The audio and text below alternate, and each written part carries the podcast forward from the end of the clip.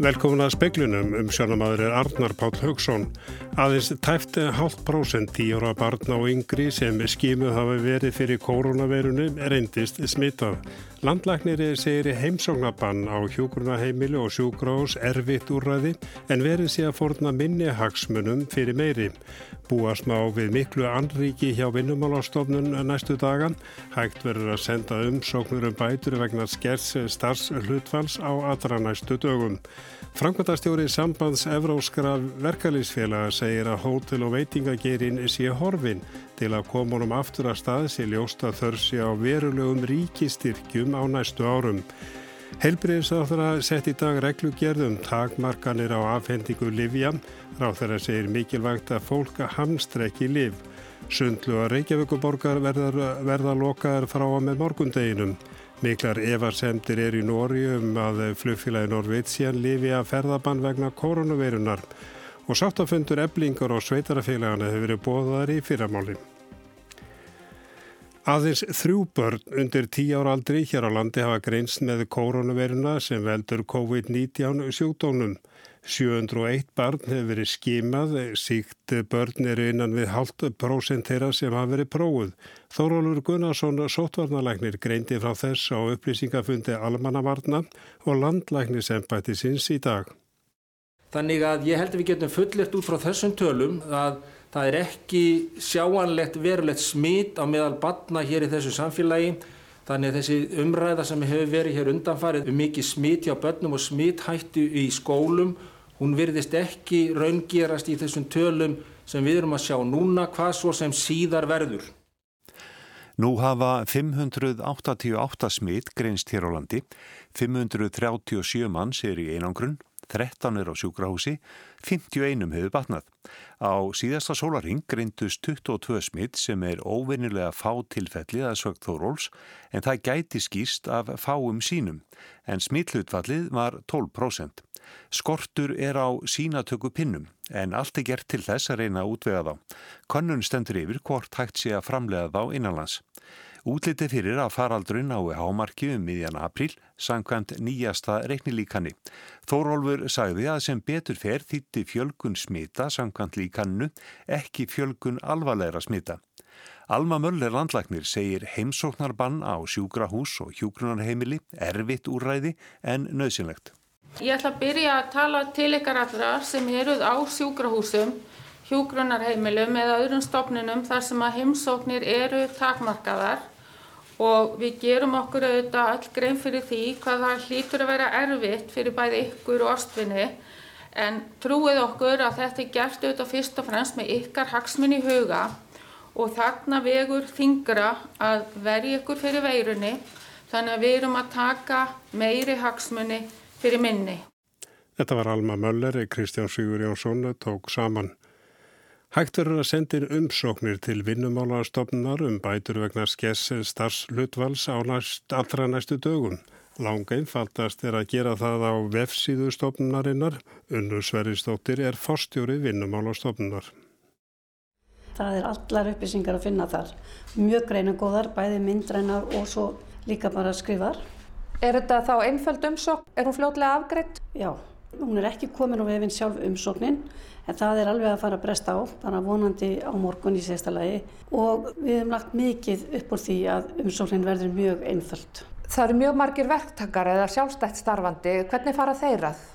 Þeir sækja um með hefðbundum hætti, þeir fá venjulegan bótarétt. Hvað tekur langan tíma að afgreða slíkt? Það tekur ekki langa tíma. Við leggjum all kapp á að afgreða umsóknir. Það eru allir sem að vellingi geta valdi innan stofnunarinnar eru að afgreða umsóknir. Þannig að við reynum að hraða þessu eins og kostur er sagði Unur Sverrisdóttir, Þórtís Arljósdóttir talaði við hana. Svandís Svagastóttir heilbríðsafara hefur sett reglugjör sem feilur í sér takmarkanir á afhendingu Livja. Ástæðan er að nokkuð hefur búið á því að undaförnu að fólk hafi keift tiltekinni lausasölulefi miklu mæli eða að fólk með fjölnóta livsela hafi leist út marga skamta samtímis eða með skömmu millibili. Í tilkynningu frá heilbreyðisraðröndinu segir að mikilvægt sé að fólk hamstre ekki liv. Slíkt geti skapað livjaskort og stemti lífi fólks í hættu. Hreinsistöð fráveitu við Klettakari Reykjavík er óstarfhæf og fer óhreinsað skólp en út í sjóm. Ástæðan er að miklu af blöytklútum og sóttreinsi klútum hefur verið flekt í salerni, svo verið sem magn slíkra klúta sem hendur í salerni hafi aukist markfalt undanfarnar daga, segir í tilkynningu frá veitum. Og nú er svo komið að stöða hefur þurft dælur og verið að reynsa þær og annan búna stöðvarinnar. Veitur ítrekka að blöytklútar eiga heimi í ruslinum en ekki í salernum. Útgerðir fristitóra hafa gert sérstakar varuðar ástafni til að lámarka hættuna á koronavirus smiti um borði í skipunum. Á fáum vinnustöðum er nándin jafn mikil og um borði í fristitórum. Það er að jafnaði 26 manns í áhauð fristitóra og 10 hásetar á korri vakt. Plásið er ofta skortnum skamti í vinslunni og stutt á milli manna. Hákon Ernusson, starfsmannastjóri síldavinslunar, segir að útgerði sé að bera saman bæku sínar og skiptast á upplýsingum og allt sé gert til að lámarka smit í skipunum. Allir séu vel meðvitaður um hættunum sem fylgir því að smittaður maður kæmu um borð. Fristitórin Blængur NK á að landa í neskósta á fymtudaginn og fer aftur út á sunnudag. Hákon sér að mikla varuðaráðstöðan verði gerðar bæði þegar hann kemur og fer. Það eigi við um hvernig landa verðu úr skipunum og rækilega verði þrifið bæði fyrir og eftir löndun. Þá hafi verið haft samband við alla sem eiga að koma um borð og þeir beðnir að fylgja vel öllum ráleggingum, hugað helsunni, forðastmarkmennu og svo framvegis. Þetta er sérstaklega við um skipferja sem bú í öðrum landslutum. En Hákon segir að almennt gildi stránga reglur um þrif og sóttrensunum borði í skipu fyrirtækisins. Aug þess er nú í gildi sérstök viðbrasáallun ef smitt greinist hjá áhöfninni. Mikilvægast af öllu sé þó að tryggja eftir bestu getu að koronaveiran berist ekki um borð. Ágúst Ólarsson saði frá. Sundlugar Reykjavíkuborgar verða lokaður frá með morgundeginum 24. mars vegna hertra regla í COVID-19 faraldrinum. Tekið skal fram að öll 6 og 12 mánuða kort verða framlengt um þann tíma sem laugarnar eru lokaðar. Fjölskyldu og hústýragarðinum hefur einni verið lokað, Ílströndin verður áfram lokuð sem á skautaöllin. Þá hefur skíðasvæðum á höfuborgarsvæðinu verið lokað vegna faraldursins. Það var bæði við um bláfjöll og skálaföll og einstakar skíðaliftur í hverfum. 24 hafa látist í Danmörku af völdum með COVID-19 faraldursins. Þeim hefur fjölgað um 11 frá því á förstu dag. Samkomu bann verður í gildi fram yfir páska og landinu lokaða mestu leiti að því er Mette Fredriksen forsættistraðara tilkynnt í dag á fundi með fréttamannum. Den midlertidige grænskontrol og Udenrigsministeriets rejsevejledning gælder allerede hen over påsken. De øvrige tiltag, I kender og lever med, bliver forlænget til og med anden påskedag, altså 13. april. Landamæri Danmörkur verða lokuð frem til annars í páskum 13. apríl, sagði Metti Fredriksen. Aðrar takmarkanir sem fólk þekkir verða framlengdar jafn lengi. Það er vísað hún til þess að veitinga og kaffihús verða lokuð áfram á samt bókasöfnum, líkamsræktarstöðum, hárgreðslu og húrflúrsstofum og næturklúpum svo nokkuð sé nefnt. Framkom á fundinum að yfir 17.000 manns hafa bóðið sér fram til að aðstóða heilbriði starfsfólk í baráttunni við koronaviruna. Gert er ráð fyrir að faraldurinn nái hámarki í Danmörku fljótlega eftir páska. Helbriðis yfir völdu greindu frá því í dag að 24 væri látina völdum veirunar. E, þeim hefur fjölgað um 11 frá því á förstudagsmorgun þegar fjöldi látina var síðast gefin upp. Áskýr Tómasson saði frá. Ríkið sáttasemir hefur bóðað til sáttafundar í kjaraðilu eblingar og fimm sveitarfélagi nákværinni höfuborgarinnar klukkan tíu fyrramálið. Haft var eftir frangvandastjóra eblingar í hátíðsfréttum að félagi hefði óska eftir fundi en á honum hefðist félagi leggja fram nýja tilluga kjarasamningi. Verkvall eblingar hjá sveitarfélagunum hefur nú staðið í halvan mánuð. Kristján Bragarsson, frangvöldastjóri Evrópusamtaka verkefliðsfélaga starfsmanna í matvalaframleyslu, landbúnaði og á hótelum og veitingahúsum segir að áallar megi að þeim 12 miljónum sem starfa í hótel og veitingageranum í Evrópu hafi 10 til 11 miljónur misti vinnuna vegna COVID-19. Atvinnugreinin sé reynlega horfin og ekki verði hægt að koma henni aftur í gang nema með verulegum ríkistyrkjum á næstu árum. Samtökin sem Kristján stýrir hafa aðsetur í Bryssel og náttili stjættarafélagi 38 löndum. Þau ná til starfsmanna í landbúnaði, á hótelum og veitingahúsum, í matvalaframleyslu, heimsendingar, þjónust og heimilishjálpar svo eitthvað sé nefnt. Kristján segir að staða félagsmanna sé mismunandi sem lítur annars vera fjárhanslir í stöðu þeirra og hins ver öryggi þeirra. Hann segir ástandið sé mjög slemt í hótel og veitingahúsa geranum. Það er um 12 uh, miljónir starfsmanna í hótel og veitingageranum í Európu og ég myndi segja það að um uh, 10 til uh, 11 miljónir séu þegar búin að missa vinnuna eða séu búin að tapa launum og eru á einhvers konar aðstóð frá hennu ofnbæra eða náttúrulega atvinnulegsbautum eða annars konar launum sem hefur ofnbæra hefur komið inn með í þessum aðgerðum sem þeir hafa verið að grípa til upp á síkastið. Margir í þessum geira lendimilli stafs og hurðar vegna ótryggra ráningar sambanda. Og eru þar alveg ekki í öllum tilvillum tryggðir af þessum yngreipum ríkistjórna í, í, Evrópu og eru þar alveg að tapa öllu sínu tekjum. Þetta er mjög slæm mál fyrir hótel og veitingageran. Kristján segir að hótel og veitingagerin sé einfallega horfin nær öllum hafi verið sagt upp. Já, hótel- og veitingagerinn er í raun og veru einfallega, hann er bara ekki til staðar í ögnableikinu, hann bara kvarf. Næðslar aðlengar þessara aðdunugreinar hafa verið skerfilegar og við sjáum ekki fram á það að það verði auðvelt að, að setja þetta í, setja í raun og veru aðdunugreina í, í, í gott stand aftur nefnum með verulegum uh, ríkistyrkjum á næstu árum. Ótrygg eða óljós ráningasambönd er algengi í landbúnaði. Þar er algengt að störfsju ástíðabundin og að landbúnaðaverkamenn ferðist millir landa eftir því hvar vinnur að fá. Í landbúnaðgeranum til að mynda að þá er búið lokallega landamærum og stóð stæðst hluti þessara lokallega seasonal uh, starfsmána sem er að vinna þessi tímabötu störf að þeir komum frá Östur-Európu og þeir geta ekki einu sinni sótt störfin sem þeir annars hefðu viljað sækja í uh, Þískalandi, uh, Hollandi uh, eða Fraklandi, Ítalju eða Spáni. En er eitthvað sem þið geti gert fyrir þetta fólk?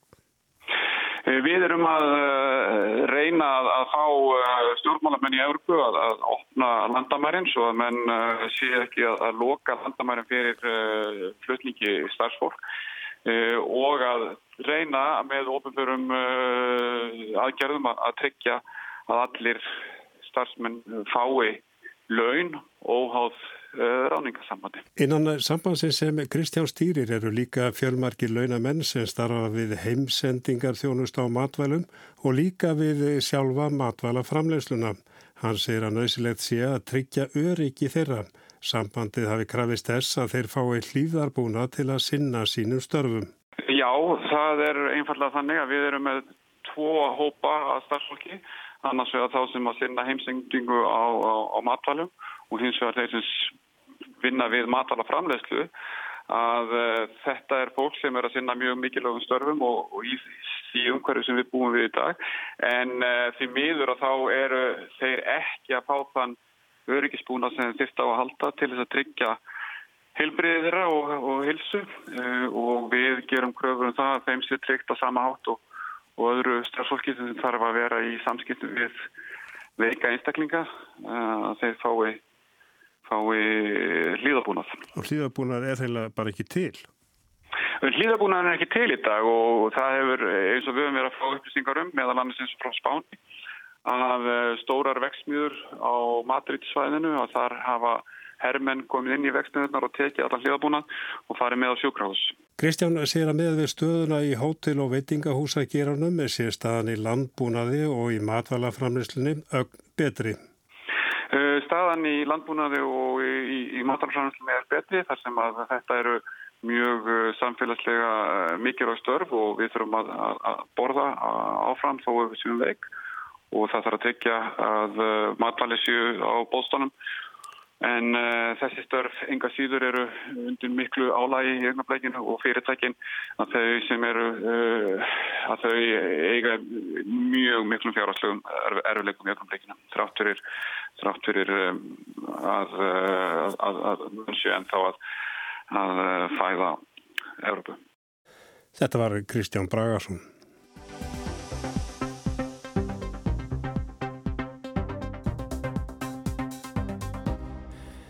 Loftmengun yfir stórborgum hefur snar minkað, dreyi hefur alþjóða flugi og umferðateppur heyra viða sögunu til í bíla mestakosti. Hvernig spila loftslagsvá og heimsvaraldur nýrar koronaviru saman?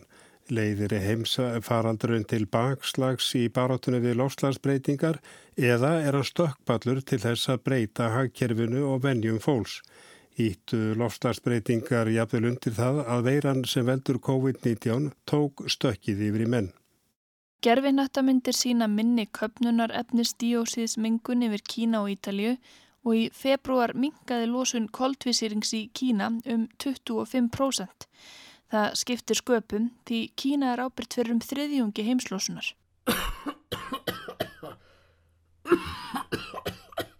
Talið er að loftmengun valdi 8 miljónum döðsfalla í heiminum á hverju ári. Í breskablaðinu Guardian er vísað í bráðabirða útreikninga bandarískra vísindamanna.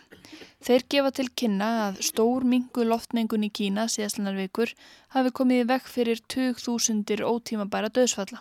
Marcial Burk, fræðimæður við Stanford Háskóla í Bandaríkjunum, segir þó rangt að halda því fram að faraldurinn hafi jákvæð áhrif á líðhelsu. Raunar eigi óbeinar afleðingar COVID-19 faraldursins á heilbreyði að stórmluta eftir að koma fram. Áhrif faraldursins á loftmengun síni þó þann toll sem óbreytt ástandi í mengunarmálum tekur og fáir gefi gaum. Árið 2019 var ár loftslags mótmæla og margir vöknuðu til vitundar um að breyta þyrti lífsáttum til að stemma stigu við lostasbreytingum en segja má að COVID-19 hafi á einni nóttu haft í för með sér meiri beinan loftslags ávinning en allar aðgerða áallanir ríkistjórna, öll loftslags verkföll og sjálf Greta Thunberg. Entire ecosystems are collapsing. We are in the beginning of a mass extinction and all you can talk about is money and fairy tales of eternal economic growth. Viðbröðin við COVID-19 sína hvað hægt er að grýpa til afdrifaríkra aðgerða á stuttum tíma ef viljin er fyrir hendi.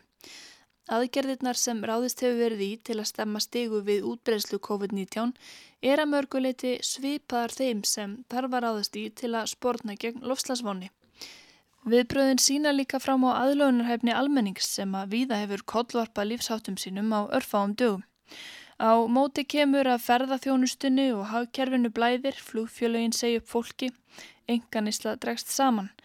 Við þurfum að halda áfram að lifa. Spurningin er bara hvort faraldurinn geti hjálpað okkur að átt á því hvernig við getum gert það og samliða tekið á stærstu ógnum samtímans. Sumir sjá COVID-krísuna sem tækifæri til að undirbúa sig fyrir það sem koma skal.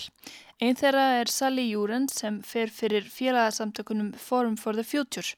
Hún telur að almenningur fái tækifæri til að æfa sig í loftslagsvætni lífsáttum og samfélag fái æfingu í að standa saman og sína siglu. Það gefist andrými til að endurhugsa fjármálakerfið þannig að það virki til framtíðar. Loks telur úr enn að við fáum tækifæri til að átt okkur betur á þessum heimi sem við búum í, hvernig allt tengist og hvernig kerfin sem þurfa að breytast virka. Hugsanlega leiði faraldurinn til þess að fleiri vinnað heiman, það fari fram fleiri fjár ráðstefnur og fólk endur skoði viðhorf sín til ferðalega. John Bryson, professor í efnaðislegri landfræði við háskólinni Birmingham í Breitlandi, segir COVID-19 varpa ljósi á gallana við alþjóðavæðinguna. Hún hafi marga kosti, svo sem frjáls viðskipti og ferðalög, en hún íti líka undir mengun og auki hættu á því að smittsjúkdómar dreifist um heiminn. Ekki eru allir vissir um að COVID-19 sé einhver sérstakur vinur loftslagsins. Í grein á vef Scientific American er því velt upp hvort orkunótkun heimila í bandaríkunum aukist ekki nú þegar að fólk er meira heima við og núli þannig út ávinningin af minni umferð. Samdrátturinn í losun er skamgóður vermir, segir bandaríski loftslagsaðgerðasinnin Bill McKibben. Þegar faraldurinn verður gengin yfir, fari allt á fullt aftur.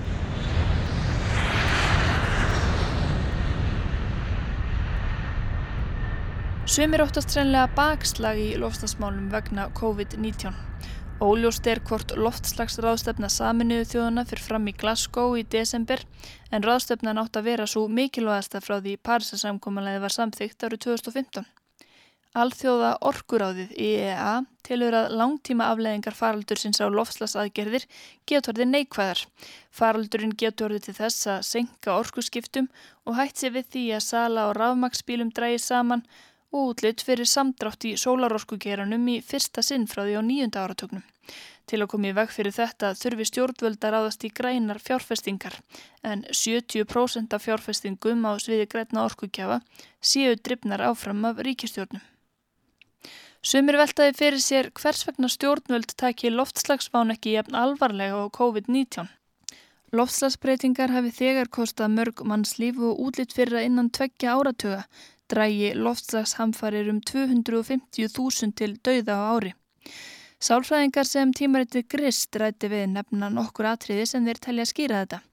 Í fyrsta lagi er COVID-19 ný ógn og fólk bregst sterkar við nýjum ógnum en þeim sem hafa verið til staðar lengi. Í öðru lagi er baráttan með COVID-19 afmarkaður í tíma, tekur líklega nokkra mánuði, ekki áratugi. Í vefritinu The Conversation nefna sálfræðingar svo nokkur atriði til viðbótar. Til dæmis það að COVID-19 er bráðari ókn. Áhrif aðgerðarleisis núna koma fram innan nokkura vikna, ekki ára eða áratuga. Þá telja þeir aðgerðir til að bregðastu COVID-19 einfaldari og ekki krefjast hjá mikillar samvinnu þjóða. Loks má nefna að fólk á auðveldara með að ímynda sér hvernig COVID-19 kann að hafa áhrif á það sjálft og þess nánustu. Nákvæmar lýsingar á því hvernig sjúkdónum vindur fram og myndir frá yfirfullum sjúkráhusum hjálpa þar til. Áhrif loftslagsbreytinga á einstaklingin eru óraðari. Í greininni á The Conversation segir að viðbröðin við COVID-19 veiti von um að hægt sé að grípa til hardra aðgerða í loftslagsmálum takist stjórnmálamönnum að rýfa sig upp úr andvaraleysi. Greinarhöfundar segja allt benda til þessa stefnubreitingar sem ráðast þurfi í til að spórna gegn loslasbreytingum hefði mun minni trublun í förmað sér efnahagslega, samfélagslega og menningarlega en þær aðgerðir sem gripi hefur verið til víðum heim vegna COVID-19. Þegar að COVID rikið sest vona þeirra það megi sækja styrk í þessa tíma núna og líta á þá sem sönnun þess að samfélag okkar sé ekki dæmt til þess að fljóta sofandi að feyða rósi. En er einni spurningu ósvarað þegar kemur að tengslum COVID-19 og lofslagsbreytinga. Er hægt að kenna lofslagsbreytingum um COVID-19 faraldurinn? Er það þeim að kenna að veiran hoppaði úr beltistýrum eða leðurblökum og yfir í menn?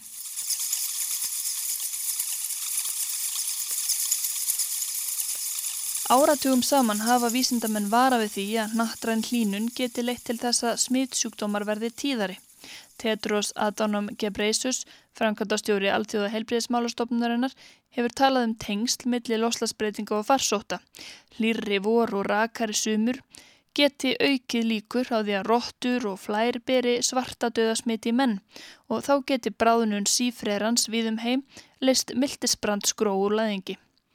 Aron Bernstein sem stýrir miðstöðu líðhilsu og lofslagsmála við Harvard Háskóla í Bandaríkunum bendir á að mennirnir hafi breytt samsetningu andrumsloftins og lagt undir sig búsvæði dýra við um heim.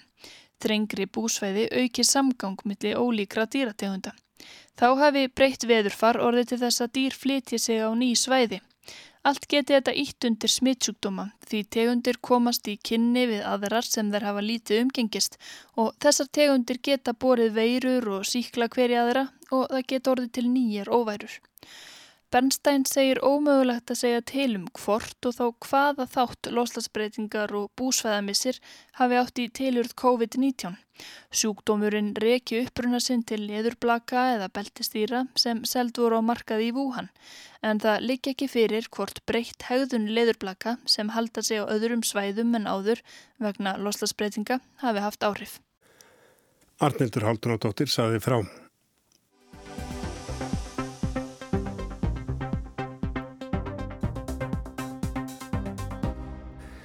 Og þá til Noregs, miklar efarsendir eru Nóri um að flugfélagi Norvið síðan lifi ferðabann vegna koronavirunar af.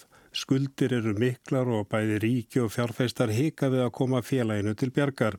Hins vegar bendir margt til að vittakar lokanir í Nóri hafi dreyið úr smiti vegna verunar, Gísli Kristjánsson segi frá. Sárastu höfverkur núna hjá Norsku ríkistjórninni er akin til flugfélagsins Norvítsjan. Skuldir eru óskaplegar og nú er félagið raun lagst í dvala vegna koronavirunar. Ríkið borgar nú félaginu fyrir að fara um 30 ferðir á dag en það er hans brota af því sem flugfloti upp á 160 vélar getur synd. Og það er búið heita félaginu ofinbjörnum styrk upp á 3 miljardar norskra króna, jáfnfyrir 36 miljardar íslenskra, til að forða félaginu frá gjaldtróti. Þar til annað kemur í ljósum flugrekstur í heiminum þegar og ef koronafaraldurinn gengur yfir. Hverjir kaupa flugferðir þá? Raunar það svo að allt það fér sem norska ríkistjórnin leggur stærri fyrirtækjum landsins til með niðurfellingu gjalda og ábyrðum á lánum dugar ekki fyrir skuldum Norvítsjan. Gengi hlutabriða félagsins fellur í aft og þjætt og nýjasti björgunarpakkin fór ríkistjórninni var með þeim skilirðum að hlutavarnir legðu líka fram 10% á móti ríkinu. Núna virðist sem djúft sé á þeim peningum frá eigendunum og ríkið huga líka. Á það er bent að vandi félagsins stafar ekki bara ferðabanni vegna veirunar, heldur vegna mikillar skuldsetningar og ávakstar á síðustu árum. Félagið hafi verið rekið með miklu tapi undanfærin ár og ekki mátt við minsta samdrætti í eftirspurn. Hvaða kreppa sem var því sett félagið á hausin. Skuldirnar er nú taldar yfir 700 miljardar talið í íslenskum krónum. Þessi staða veldur því að nú er ímist rætt um að ríkið láti af stuðningi eða að ríkið þjóðnýti félagið. Í viðskiptaskrifum bladana er spáð í hvor leiðin sé íll skári. Ein leið er að ríkið leggji til nýtt hlutafjö og að bref núverandi eiganda verði þar með verðlaus. Þetta var gert hér til lands árið 1993 þegar bankar landsins urðu gjaldþróta. En þá situr ríkið líka uppi með allar skuldirnar og flugfélag í Lamasessi. Hinn leiðin er að hætta tilraunum til að bjarga félaginu. Aftenposten stærsta morgunblan Noregs mælir með því leiðara í dag. Þar segir að flugfélagið hafi mest af sinni starfsem í útlöndum og gegni ekki líki hlutverki samgöngum landsmanna. Hins vegar leiði fyrsti stuðningur af sér ennmenni stuðning sem ekki sjáu fyrir endan á. Þeir eru því fáir bjartsinni spámennetnir fyrir hönd Norvítsjan. Hins vegar þykir baráttan við koronaveiruna ekki vonlaus. Smitt hefur haldist í jafnvægi hér til lands síðustu daga meðan 209 smittuðum á dag. Lokanir og samkomubann hefur haft áhrif til að hemja smittið en efnagslegt tap er gífurlegt og bætist við stöðugt fallandi oljuverð og fallandi gengi krónunar. Norður Noregur nær smitt frýr og þar norður frá hafa sveitarfjöluðin haft fórustu um harkalega lokanir og sett alla sunnlendinga í sótkvím. Næstu daga rætlunni endur metastöðuna og hugsanlega að opna skóla einhverju leiti en þeir hafa verið lokaðir í meir en viku. Og það var Gísli Kristjánsson sem að saði frá og við sögðum frá því í speiklunum í kvölda að þeir stæfti halvt prosenti tíjar á barn og yngri sem skimuð hafa verið fyrir koronavirinu reyndist eh, smitað.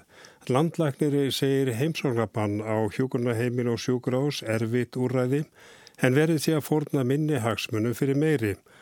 Búast má við miklu anriki hjá vinnumálastofnun að næstu daga. Hægt verður að senda umsóknur um bætur vegna skers starfslutvals á allra næstu dögum. Framkvæmtastjóri sambands Evróskra verkarleysfélaga segir að hótel og veitingagerin sé reyðlega horfin til að koma honum aftur að staðis í ljóstað þörsi á verulegum ríkistyrkjum á næstu árum. Heilbyrðinstáðra hefur sett eða sett í dag reglugerðum takmarkanir á afhendingu livja. Ráþra segir mikilvægt að fólk hamstri ekki liv og við sögum líka frá því að reynsistöðu fráveitu við klettakari Reykjavík er óstarfhæf og fer óhreinsa skorpn út í sjó. Og ástæðan er að miklu af blöyt klútum eða sóttreinsi klútum hefur verið fleikt í salerni að undan förnum og sundluga Reykjavíku borga verða lokaðar frá með morgundeginum og miklar efasendur eins og við hér, heyrðum hér áðan í Nóri er í Nóri um að flugfélagi Norvítsjan lifi af ferðabann vegna koronavirunar. En það er ekki fleira í speiklunum í kvöld. Tæknumar var eh, Magnús Þorstein Magnússon, veriði sæl.